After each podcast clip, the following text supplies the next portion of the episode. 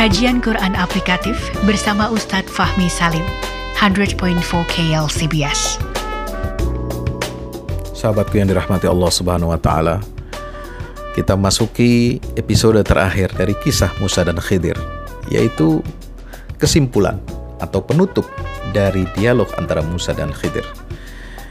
Di mana tiga peristiwa yang dialami oleh Khid Nabi Musa itu sungguh mencengangkan kita semuanya begitu menakjubkan narasi Al-Quran ketika Allah mengajarkan kepada kita bagaimana bersikap yang baik dan tepat dalam menghadapi takdir dalam kehidupan kita.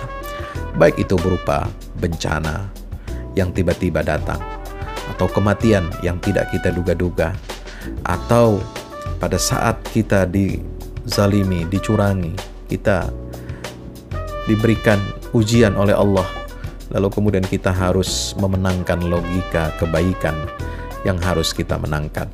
Di sinilah dialog antara ilmu dan takdir. Dialog antara Musa dengan Khidir membawa hikmah yang sangat besar bagi kita untuk menyikapi takdir.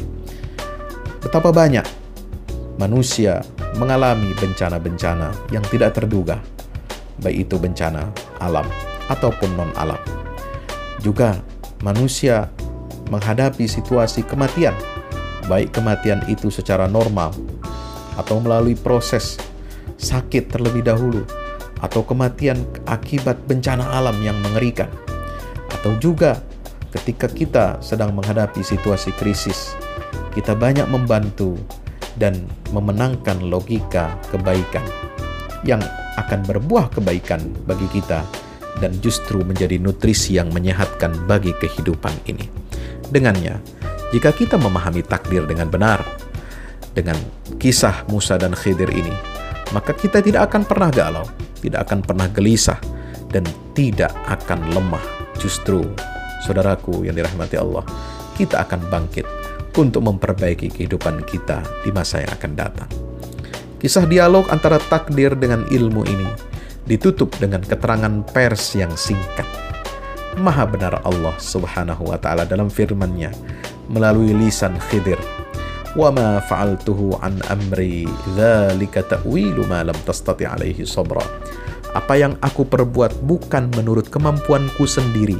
Itulah keterangan perbuatan-perbuatan yang engkau tidak sabar terhadapnya. Subhanallah. Di ayat 82 tadi, sebagaimana Khidir, maka pandemi global ini ingin mengumumkan kepada seluruh manusia bahwa semua yang terjadi di dunia ini akibat penyebaran virus corona tidak lain dan tidak bukan adalah merupakan kuasa Allah Subhanahu wa taala. Corona tidak punya kekuatan apa pun, saudaraku, selain dia hanya tunduk dan patuh melaksanakan titah Allah di alam semesta, kun fayakun. Maka pesan singkat dan jelas dari corona dalam konferensi persnya itu sangat jelas. Kalian harus bersabar. Dalika ta'wilu ma lam tastati alaihi sabra. Kalian harus sabar ketika menjalani sunnatullah saat ditimpa oleh ujian yang menerpa kehidupan kita. Itulah keterangan pers corona. Singkat, padat, dan berenergi. Jika manusia tidak bersabar atas ujian Allah ini, maka manusia telah gagal memahami takdir dan sunnatullah di alam semesta. Maka itu, sahabatku, jangan main-main. Apalagi kita keliru dalam memahami sunnatullah yang ada di alam semesta. Allah Ta'ala berfirman, Sunnatullah walan tajida li sunnatillahi tabdila walan tajida li sunnatillahi tahwila.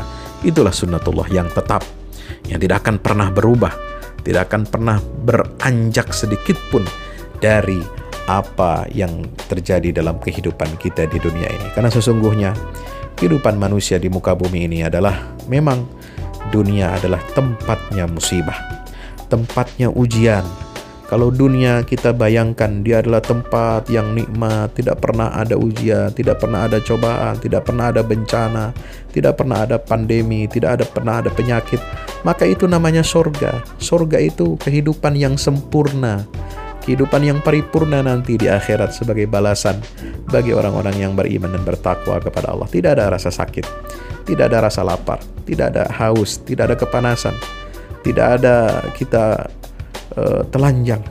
Tidak ada kita kesulitan, semua sempurna di surga.